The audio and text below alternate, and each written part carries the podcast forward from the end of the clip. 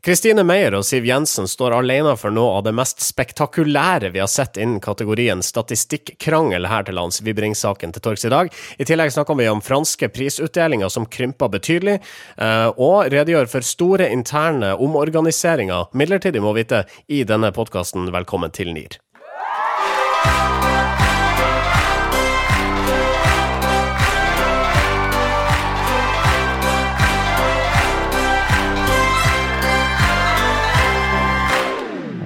Jeg heter Marius Stølen, eh, med meg Marius Torkelsen, god dagen. God dag, god dag. Eh, og eh, Sindre Holme han er fraværende i dag. Han har satt seg fast i fortida da han dro på helgetur i tidsmaskinen sin, uten å invitere oss. Ja, det er svakt. Ja, Det er veldig veldig svakt. Jeg lurer på hvor han er. Vi har henta inn en gjesteprogramleder her. Han er rådgiver og partner i PR-operatørene. Han er også tidligere leder i bransjeorganisasjonen KOM, tidligere kjent som Norske informasjonsrådgivere. Og nå er han altså gjest her hos oss i NIR, aldri kjent som KOM. Stian Lyberg, velkommen hit. Tusen takk. Det er en glede. Ja, Du er jo ferdig borte i, KOM du, så du kan jo fortelle oss det nå. Hvilket navn er kulest? Nei, jeg syns jo absolutt KOM er, er, det beste. Det er mulig å forstå. Det er veldig mange som lurer på hvordan det uttales. Jeg tror det heter KOM, selv om jeg selv sier KOM. Jeg, jeg syns jo norske informasjonsrådgivere var et veldig tydelig navn sånn når man ikke kalte det NIR, men ja, men faktisk sa norske informasjonsrådgivere? Veldig lite inkluderende. Det er liksom, du må være norsk. All right, gutter. Jeg tror vi skal uh, sette i gang med jeg, jeg, føler bare en liten ting til. Uh, PR-operatørene spiller også en viktig rolle i, i NIRs, NIRs historie. Både bransjeorganisasjonen og podkasten. Ja. I og med at vi alle har arbeidet der på samme tidspunkt. og hvert fall eh, jeg og Marit Sindre var jo der når eh, vi kom på dette her. Mm. Uh, vi ser på dere og omtaler dere som operatørbroilere. jeg husker jeg var jo tekstforfatter i Altså det var den eneste rollen jeg hadde borte hos PR-operatørene mens jeg studerte. Så av og til så fikk jeg da beskjed fra en kollega om at OK, ta nå og skriv litt om dette kommunikasjonsfaglige grepet. Og en gang så skulle jeg da skrive om podkast, og så fikk jeg beskjed om at da var det bare å intervjue Sindre, for dette kunne han veldig mye om. Og så gjorde jeg det intervjuet, så laga vi saken, og så etter at vi var ferdige å uh, snakke, jeg og Sindre, så fant vi ut at neimen, vi laga bare den podkasten. It's all about a cunning plan. It is. OK, men da setter vi i gang sendinga. Norske informasjonsrådgivere. Søndag ble det klart at Kristine Meyer går av som sjef for Statistisk sentralbyrå. Hun hadde ikke lenger Siv Jensens eh, tillit. SSB står midt i en krevende omstillingsprosess nå. Departementet har beordra dem til å ta forskninga opp på et høyt europeisk nivå, og samtidig kutte kostnadene. Eh, Omstillinga har pågått en stund, men det var først 21.10 at det virkelig smalt. Da ble det full krig mellom Jensen og Meyer. Begge innkalte til pressekonferanse. Jensen fortalte at Meyer ikke lenger hadde hennes tillit, mens Meyer på si side hevder at Finansdepartementet har forsøkt å detaljstyre omstillingsprosessen ned på personalnivå. At en byråkrat i departementet per telefon forsøkte å overtale henne til å la Erling Holmøy få bli igjen i forskningsavdelinga. Og det gir grunn til bekymring for byråets uavhengighet, sier Meyer. SSB skal ikke være avhengig av finansministerens politiske tillit. SSB skal være uavhengig og ikke styres politisk. Alle endringer jeg har initiert, har vært forankret i SSBs styre og hos eier. Forankret i styret, men nå har hun uh, gått av, og uh, nå som Meyer da Altså, Meyer har trukket seg under forutsetning bl.a. om at hun kunne snakke fritt om alt som har foregått de siste ukene, og ingen kan nå beskylde henne for å gjøre noe annet. Nei, eh, jeg syns jo det er litt sånn Denne, denne saken her er liksom snakka i i mange, mange, kanaler allerede, og innen dette kommer ut på fredag, så, så er den sikkert enda, enda mer eh, snakka i hjel. Eh, men, men, det som jeg syns er litt kult med den ut fra, fra vårt perspektiv, er jo liksom det at at en av stridspunktene var hvem som fikk lov å eie historiefortellingen om hva som har skjedd i etterkant. Da. Et av stridspunktene har vært hvem får lov, eller har hun, får hun lov til å si, si sannheten. Og, og selv om selv om liksom hun, eh, det at hun går ut og sier at det er en av de tingene hun gjerne vil ha, selv om hun da kanskje ikke hadde fått lov til å si det eller ikke kan si alt, så sår hun likevel et slags sånn frø på at her er det noe hun ikke kan fortelle om. Og at for, for Siv Jensen og for Finansdepartementet så blir de sittende i en sånn situasjon hvor hun, hvor Meyer da hinter til at her har det foregått noe som ikke skulle foregått, som hun gjerne vil snakke om. Eh, og, og, og, Hun sier vel mer eller mindre det her har det foregått noe som ikke skulle ha foregått. Så vidt jeg vet, så, så, er det vel kommet en føring fra Finansdepartementet i sluttavtalen om at hun skal uttale seg høvelig. Uh, og det interessante er jo hva, hva mener de med høvelig, for hvem? Det kan jo være høvelig for Kristine Meyer å, å, tømme seg for all dritten. Det er ikke så veldig ofte at man ser sånne offentlige krangler eh, mellom eh, politikere og deres eh, byråkrater, hvis vi kan kalle Meyer det. Altså, vi hørte et klipp fra hennes eh, pressekonferanse, eh, som hun innkalte sjøl til, lånte lyd fra VG. Eh, Siv Jensen har altså pressekonferanse samme dag og avviser der at hun har gjort noe forsøk på å styre omstillingsprosessen på det detaljnivået som Meyer hevder. Det er avgjørende viktig at eh, Statistisk sentralbyrå er faglig uavhengig, men de er underlagt Finansdepartementet administrativt. Og vi, vår bekymring har jo handlet om byråets evne til å levere på det. I, eh, i en situasjon hvor man har ønsket å gjennomføre en eh, omorganisering. Altså det, det, som er interessant i denne saken, her er jo det totale fraværet av ubestridte fakta. Det har bare vært beskyldninger, ord mot ord og, uh, og masse føleri og meninger. Mm. Uh, og Det burde jo være mulig å dokumentere at Kristine Meyer ikke har tillit, eller at hun ikke har gjort jobben sin. Så Siv Jensen kunne jo ha kjørt en eller annen omnibus eller en intern undersøkelse og, og, funnet svar på det. Fordi folk som jobber i SSB, de motstrider ikke uh, fakta. Men hvis de blir møtt med, med synsing og føleri, så, så kjemper de hardt imot. Mm. Ja, man, man, skulle jo tro at en institusjon som SSB hadde noe statistikk på både lederens oppnåelse og måloppnåelse av innen e-, egen jobb, men også de ansattes eh, tilfredshet både med ledelse og med arbeidsmiljø osv. Altså, I, I den grad man kan uh, offentliggjøre intern statistikk, da, så tenker jeg for i dette tilfellet så, så, burde det vært en anledning hvor det kunne vært nyttig å gjort det. ja, altså, Du indikerer at det ville vært rart dersom Statistisk sentralbyrå ikke har noen form for benchmarking på Eh, på det arbeidet de gjør. Ja, altså det, det, det slått meg som eh, Det er ikke bare rart, det er skremmende. og det vitner om dårlig ledelse. Ja. Og, så derfor, ergo, har hun ikke gjort jobben sin. Og utdaterte modeller. Ikke minst utdaterte modeller. I hvert fall ikke europeisk standard. Nei. Eh, men, men, men hvem, hvem, er det som vinner historie her? Altså, vi kan jo kun se det fra et uh, altså, i innspillende stund-perspektiv, men Altså Når man har to så forskjellige historier uh, der ute akkurat nå fra disse to stridende partene, hvem er det som vinner kampen? Hvem er det vi ender opp med å tro på, på et vis? Akkurat nå så er det jo bare Kristine Meyer som forteller sin historie, mm. uh, og det får hun lov til. Uh, Siv Jensen har vel ikke foreløpig sagt så veldig mye?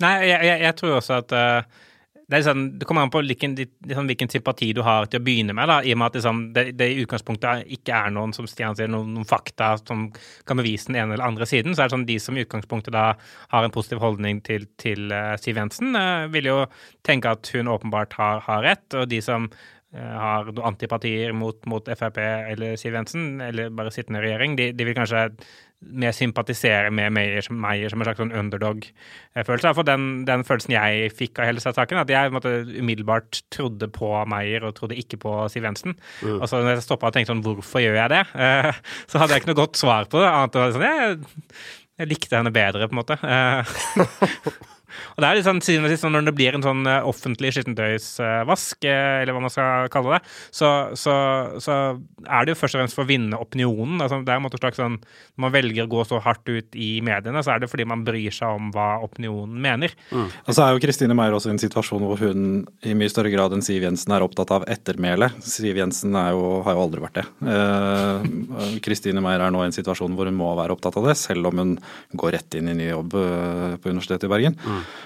Eh, Men man ser det jo også på hvor aktivt hun selv bruker media. Og medias rolle i hele denne saken har også vært veldig interessant. Eh, Hvordan de egentlig bare har løpt etter rykter. De kunngjorde at hun skulle gå av mange mange dager før hun eh, faktisk var i den situasjonen. Og så kom det dementier etterpå. Det, det er sjelden jeg har sett så mange oppspilte journalister som på jobb på den fredagen hvor det var to pressekonferanser, og den bekrefta avgangen ble avkrefta, og hun møtte opp med denne advokaten og sånn. Var det krangling om hvem som skulle gå på hvilke Nei, det var, det var i hvert fall uh, mange fornøyde politiske journalister i, i redaksjonen på at nå var det sånn endelig en actionfylt dag. Da. Uh, men jeg tenker også sånn for Christine Meyer sånn, så Enten så får hun en ny toppjobb som byråkrat et eller annet sted, uh, eller leder av noe slag. Eller så kan hun alltid Nå måtte- nå har hun fått såpass stor oppmerksomhet at hun alltid kan liksom bli med i neste sesong av Skal vi danse. Fordi jeg mener sånn, når Trude Drevland eh, kan overleve sin tørn turn og møte opp der, så, så er Meyer nå i en, eh, liksom, en type navn som kunne vært aktuell. Jeg, jeg tror det her blir en egen TV-serie. Uh, den kommer til å hete Ja vel, herr statsråd. Nei da. Jo da. Nei da. Og en- enhver god TV-serie trenger selvfølgelig en eh, hva skal vi kalle det, en karakter som kommer inn litt fra siden. Og inn kommer da altså en meget frittalende advokat, Dag Steinfeld. Nei, men kanskje, Hvis du kan lytte dobbelt så mye som du snakker, så kan vi bare fortsette med Det er jo viktig å rydde opp i. Det er det jo ikke det er jo, det er jo dere som har misforstått i dag morges, da. Hvis det, er basert, hvis det er basert på hva med, enkelte medier skrev i går, og som mente å ha kilde på Hvis ikke det er kommet noen signaler fra Finansdepartementet, så hvorfor tropper hun opp med advokat på et dialogmøte i dag? Eh, Du har åpenbart vanskelig for å forstå. Nei, det har jeg slett ikke. Ja, men da, da Men du vil jo ikke høre jo, spørsmålet. Jo, jeg har hørt spørsmålet, og det har alle stått rundt deg også gjort. Eh, Og svaret er når norsk media samlet også den lille avisen du måtte komme fra. ganske stor. Eh, ja, Nå tar ikke den Men det trenger da ikke å være Men, eh, nedlatende. Det er da ikke men, så vanskelig å svare på du spørsmålet. La meg svare på spørsmålet litt. Det her er, det er det tydeligste beviset på at Christine Meyer eh, sannsynligvis har vært en dårlig leder. Hun har veldig dårlig dømmekraft når hun lar han representere seg eh, overfor mediene. Jeg, jeg, jeg tenkte jeg fikk sånn assosiasjoner til å se en sånn eh, pressekonferanse med José Mourinho, som er eh, nå United-trener, tidligere Chelsea og Real Madrid-trener osv. Mm. Og han, alltid når det, når det går dårlig for laget, da tar han mye oppmerksomhet. Da, da kjefter han på dommeren, eller skylder på fysioterapeuten, eller kjefter på pressen. Liksom. For da, da skriver alle om alle de crazy tingene José Mourinho har sagt, og så får liksom, det egentlige problemet mindre oppmerksomhet. Og spillerne som har prestert dårlig, de slipper måtte, måtte svare for seg i media. Jeg lurer på om liksom, det, er, det er den rollen Meyer nei, Steinfeld skulle ha her, og være en slags sånn lynavleder for, eh, for Christine Meyer. Norske informasjonsrådgivere. Så til Twitter, som nå har gjort denne økninga i antallet tegn permanent. Du har nå 280 av dem til rådighet. Prosjektleder Alisa Rosen der borte sier at målet med økninga er å frita brukerne fra å tenke så mye, for å tilpasse tweetsene sine til 40 tegn. Altså færre tanker per tweet er lik flere tweets. Ja, det, jeg, jeg, vet ikke om, om det var det Twitter trengte, men, men det, det er jo det er sånn, litt sånn på en måte var det en sånn befriende kommentar å, å lese da, fra, fra Twitter selv. Jeg, for jeg lurte liksom på hvorfor de gjorde dette her, hva som var tanken bak det. Og, og, så, og så var det en slags sånn erkjennelse av at brukerne på Twitter eller alle de som ikke bruker Twitter, da, de bruker ikke Twitter fordi det tar for lang tid for dem å være kortfatta. Eh, så, så de har funnet ut at for å få inn flere brukere, eller få de som er der fra før til å tvitre oftere, så må vi bare fjerne et steg i tenking. Det må være like enkelt som Facebook, hvor du bare kan lire ut av deg med alt mulig rart uten å stoppe. Det er fortsatt en slags, slags grense på 280 tegn, men, men testene fra eh, da september-oktober, hvor hvor de rulla ut dette gradvis, har vært at det er veldig, en veldig veldig liten prosentandel av brukerne som faktisk når da den grensen nå, sammenligna med tidligere. Eh, For oss eh, profesjonelle kommunikasjonsfolk da, så har jo Twitter hatt en eller annen sånn oppdragende effekt. Vi har vært tvunget til å klare å fatte oss i, oss i, i korthet og være presise. Så jeg frykter konsekvensene av 280 tegn. Eh, Jeg har f.eks. som en konsekvens av Twitter, så har jeg innført en sånn selvpålagt eh, regel at jeg i møter ikke kan bruke mer enn eh, 1500 ord. Eh, og det, det klarer jeg aldri, men jeg er blitt veldig veldig bevisst på det. Hvordan, teller du? Nei, jeg har med meg noen som teller, da. Som, som gir meg tegn hvis jeg begynner å nærme meg. Ja, for når Marius sa han var tekstforfatter i PR-oppdateringen, var egentlig det han var ordteller. Ja. Eh, Hva, altså, hva med dere sjøl personlig på Twitter? Har dere merka behovet for dobbelt så mange tegn hittil? Altså, jeg, jeg er jo en Twitter-bruker som aldri har skrevet så veldig mye på Twitter, fordi jeg har alltid følt meg veldig dømt hver gang jeg skriver noe på Twitter. Altså fordi de som er på Twitter, er som kommentatorer og mediefolk og, og ikke, folk som enten kan det de snakker om, eller er veldig gode på å gi inntrykk av at de kan det de snakker om. Eh, eller folk som er gode på ordspill. Og, eh, og jeg, jeg, jeg har liksom ikke selvtillit på noen av delene, så jeg tør ikke å, å skrive noe, er- ergo bare leser jeg. Så for meg da at det blir flere og mindre godt formulerte tweets, eh, er ikke positivt. Jeg var veldig, veldig aktiv på Twitter en lang periode og følte jeg hadde funnet mine likesinnede der. Eh, sikkert fordi jeg kan ting og eller er god på å gi inntrykk av at jeg kan ting, i motsetning til Marius. Eh, men så merka jeg gradvis at responsen ble liksom dårligere og dårligere, selv om jeg følte selv at tweetsene mine ble bedre og bedre. Eh, og den eneste grunnen til at jeg er i sosiale medier, er jo for å bli bedre likt. Så når jeg da ikke får respons, så, så slutter jeg også med det. Så nå er jeg på Facebook og deler bilder fra fjellet og andre spennende ting jeg gjør. Det er jo enkelte uh, brukere på Twitter som uh, gjør betydelig større suksess enn andre. Eh, President eh, i USA, Donald Trump, han har i årevis klart å utrette nærmest mirakler på 140 tegn. Men, men det er klart, han slår jo til da på 280 når muligheten først byr seg, og lørdag så benytter han alle tegnene sine på egg til bråk med Nord-Korea igjen. And taking a jab at North Korea's erratic dictator, writing, Why would Kim Jong un insult me by calling me old when I would never call him short and fat? Oh well, I try so hard to be his friend, and maybe someday that will happen. Later, pressed whether that's realistic. I think anything's a possibility. Strange things happen in life. That might be a strange thing to happen, but it's certainly a possibility. Jeg tror disse 280 tegnene fra Twitter er et politisk utspill fra Twitter. Et forsøk på å skape balanse i verden. Mm. For det er klart, når Trump nå får muligheten til å bruke 280 tegn, eh, så kan vi i hvert fall håpe at han blir så opptatt med å fylle disse tweetene og skrive riktig engelsk osv. at han ikke har tid til å drive med politikk. En, en annen, en annen eh, mulighet er at det kan jo hende at egentlig Donald Trump er en veldig nyansert person. Man bare ikke har fått plass til å uttrykke det. Ja, det tror vi på. Det tror vi på. Så det har vært sånn her eh, Hillary Clinton er en skurk. Hvis hun har fått 280 poeng, kanskje, men hun er også en god mor og, og veldig dyktig politiker. Uh, men uh, om den tweeten til Trump Det her er trolling i verdensklasse. Ja, det er jo det er sånn, Når jeg så den først, så tenkte jeg dette er en parodi. Dette, er, dette må være Dette kan ikke være dette er, Det er jo faktisk en sånn bra vitse en, en, en bra vits. Man Eh, tror jo at sånn- det er en ghostwriter, en eller annen 13-åring som sitter der og har fått kontroll over den kontoen. Ja. Men eh, eh, ja, akkurat den tweeten, der var han vel ni. Ja, men Det hørtes ut som en sånn derre Når, når de holdt på, holdt på med de der Celebrity Roasts-greiene. det, er, det, er en, det er en sånn liksom one-liner, da. Eh, og så kommer det fra USAs president. Det er jo Det er rart. fantastisk. Det er fantastisk. eh, og skummelt, da. Altså, eh, ingenting var bedre før. Alt er bedre nå. Norske informasjonsrådgivere. Ni av ti nordmenn elsker Et representativt utvalg av nordlendinger viser at Sørlendinger mest skeptisk til Volvo. hordalendinger best i senga. Kvinner mest opptatt av mild. Oppland på brokkolitoppen. Ukas undersøkelse.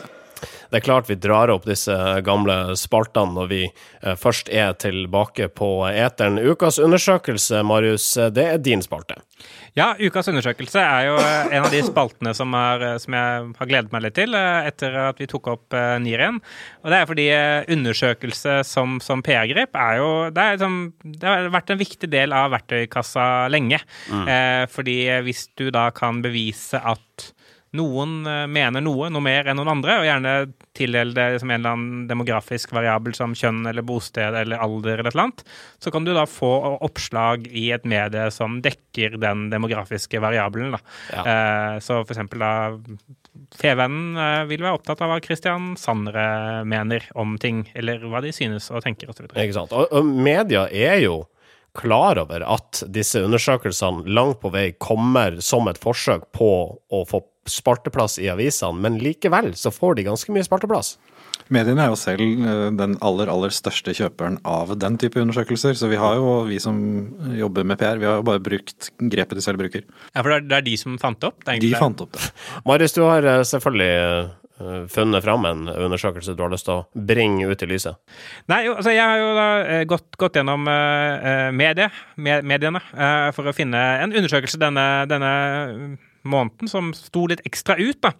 Eh, og en, en som, eh, som jeg fant i, i Nordlys, det er vel omtrent en avis som du leser mye, Marius? Ja, det, bor- de- Nordlys holdt til rett borti gata her i, i, i, I Bodø. I Bodøveien. Ja, det er bare, å kjøre opp en halvtime opp til Til Tromsø. venstre der, ja. ja. Eh, Men det er, en undersøkelse da utført av analyseinstituttet Hugov eh, for, for, eh, for Norges Optikerforbund.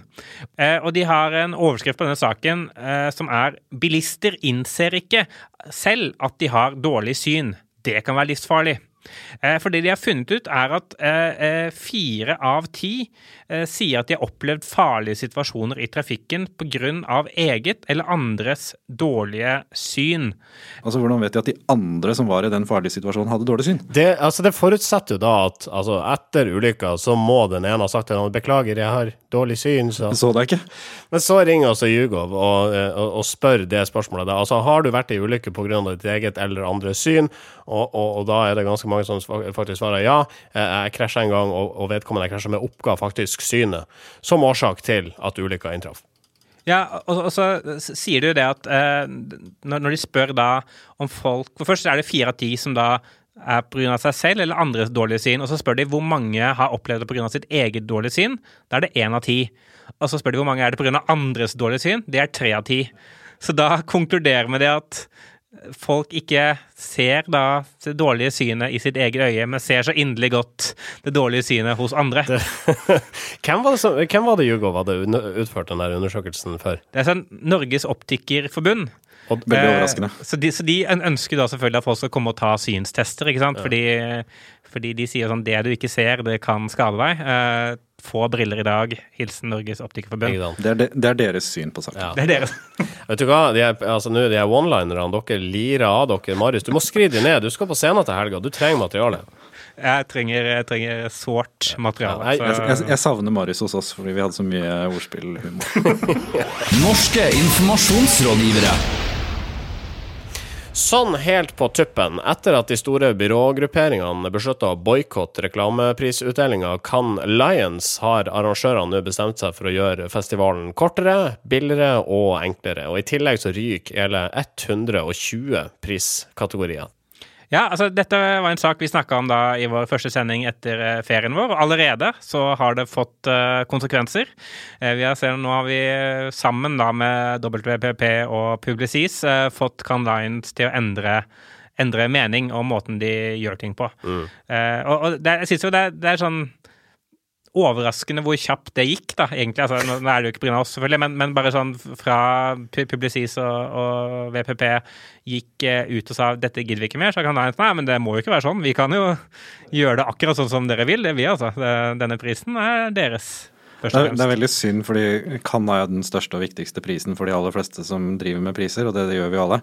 Eh, og hvis det danner presedens, sånn at man i andre konkurranser som Saber Awards, European Excellence Awards og andre, som, som jo har hundrevis av kategorier, begynner å kutte ned på de kategoriene, da blir det veldig lite priser på oss. Ja, det blir nesten umulig å vinne. Det er lagt opp sånn at vi skal vinne minst et par priser alle sammen. Eh, det er jo da vi drar dit. Men men jeg tror liksom, det er den der betalingsviljen, den ligger i et sånn gyllent snitt mellom at det var akkurat nok, mange nok priser til man tror man kan vinne, men ikke så mange at du føler det som om alle vinner. Nei, det er sant. Så man føler seg spesiell fortsatt. da. Og Jeg tror, det, er det, jeg tror det det kan bl.a. blant annet nå prøver å få til. da. Altså, eh, 120 priskategorier. Eh, Vi har diskutert Can Lines før. Hvor mange kategorier hadde de egentlig? Det er mange.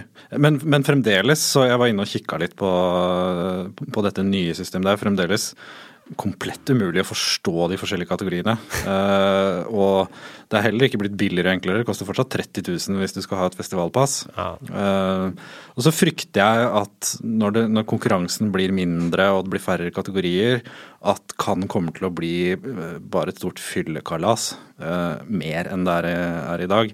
Fordi de har ikke noe å gjøre der nede. Ja, fordi en annen ting, De hadde også fått nå ordna sånn at de skulle få fastpris på restauranter, eh, med drikkemeny og fastpris på hoteller. For det trenger de, liksom. Det er noen medieledere som kommer hjem derfra etter å ha oppført seg Eller som kommer til å komme, hjem og har oppført seg stygt mot sine kvinnelige kolleger eh, og mister jobben. Så sånn sett så får vi luka ut litt flere folk da, kanskje. Men det er jo sånn at alle, de, alle kreative team i reklamerådene med respekt for seg selv, de har jo fremforhandlet en avtale i ansettelsesavtalen sin at de får lov til å dra til Cannes. Så de drar jo uansett hva som skjer der nede. De kunne jo egentlig bare lagt ned hele Cannes, og så kunne de sittet på kroasetten der og, og drukket uh, konjakk og røyka sigarer. Det For det de. gjør, det gjør alle. Uh, ok, og så søk NAF, Norges Automobilforbund, etter en eh, ny kollega, nærmere bestemt en empatisk designer. Ja, jeg bare synes det var en sånn, sånn kuriøs ting helt på, på tampen. At eh, jeg bare så en stillingsutlysning, en sånn annonse, eh, inne på Kreativt Forum, hvor NAF skrev at de søker empatisk designer, som om empati var en, eh, en egenskap som var spesielt viktig i akkurat denne stillingen. Nei, det, det, er jo definitivt ikke viktig hvis du er høyesterettsadvokat og representerer eh, SSB-sjefer, men eh, men dette er egentlig en ny trend eh, som er på full fart eh, inn i kommunikasjonsbransjen. Eh, vi har jo lenge prøvd eh, universell utforming, vi har prøvd interaktiv design, nå prøver vi med empatisk design. Så hvis designet ikke forstår deg, eller aller helst får deg til å føle noe, så er det ikke design. Da er det, da er det bare kruseduller. Jeg må si, eh, apropos design, NAF sine nettsider de var hakket hvassere enn jeg hadde trodd. Ja, de er egentlig ganske fine, altså. Men, men det, er, de er ikke empatisk design. Men uh, disse, altså, eh, denne gangen så var det empatisk design. og Man har sett tilsvarende, altså man bruker andre adjektiver enn det som man vanligvis bruker. Men altså de standard, eh, standard annonsene er ganske intetsigende tidvis når, når det gjelder altså hva de faktisk spør etter. Eksempel Musikernes eh, Fellesorganisasjon, de søker nå etter en markeds- og kommunikasjonsansvarlig, og de ser da etter en kandidat som annet skal være kreativ og skapende. eh, og vedkommende bør ha gode kommunikasjons- og samarbeidsegenskaper.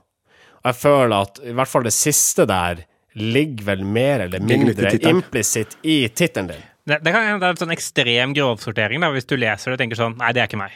Da er, det sånn, da er det veldig bra at du ikke søker. Da jobber du i SSB. Ja, Da jobber du kanskje i SSB allerede, så har du blitt flytta til Kongsvinger. Ja, ikke sant.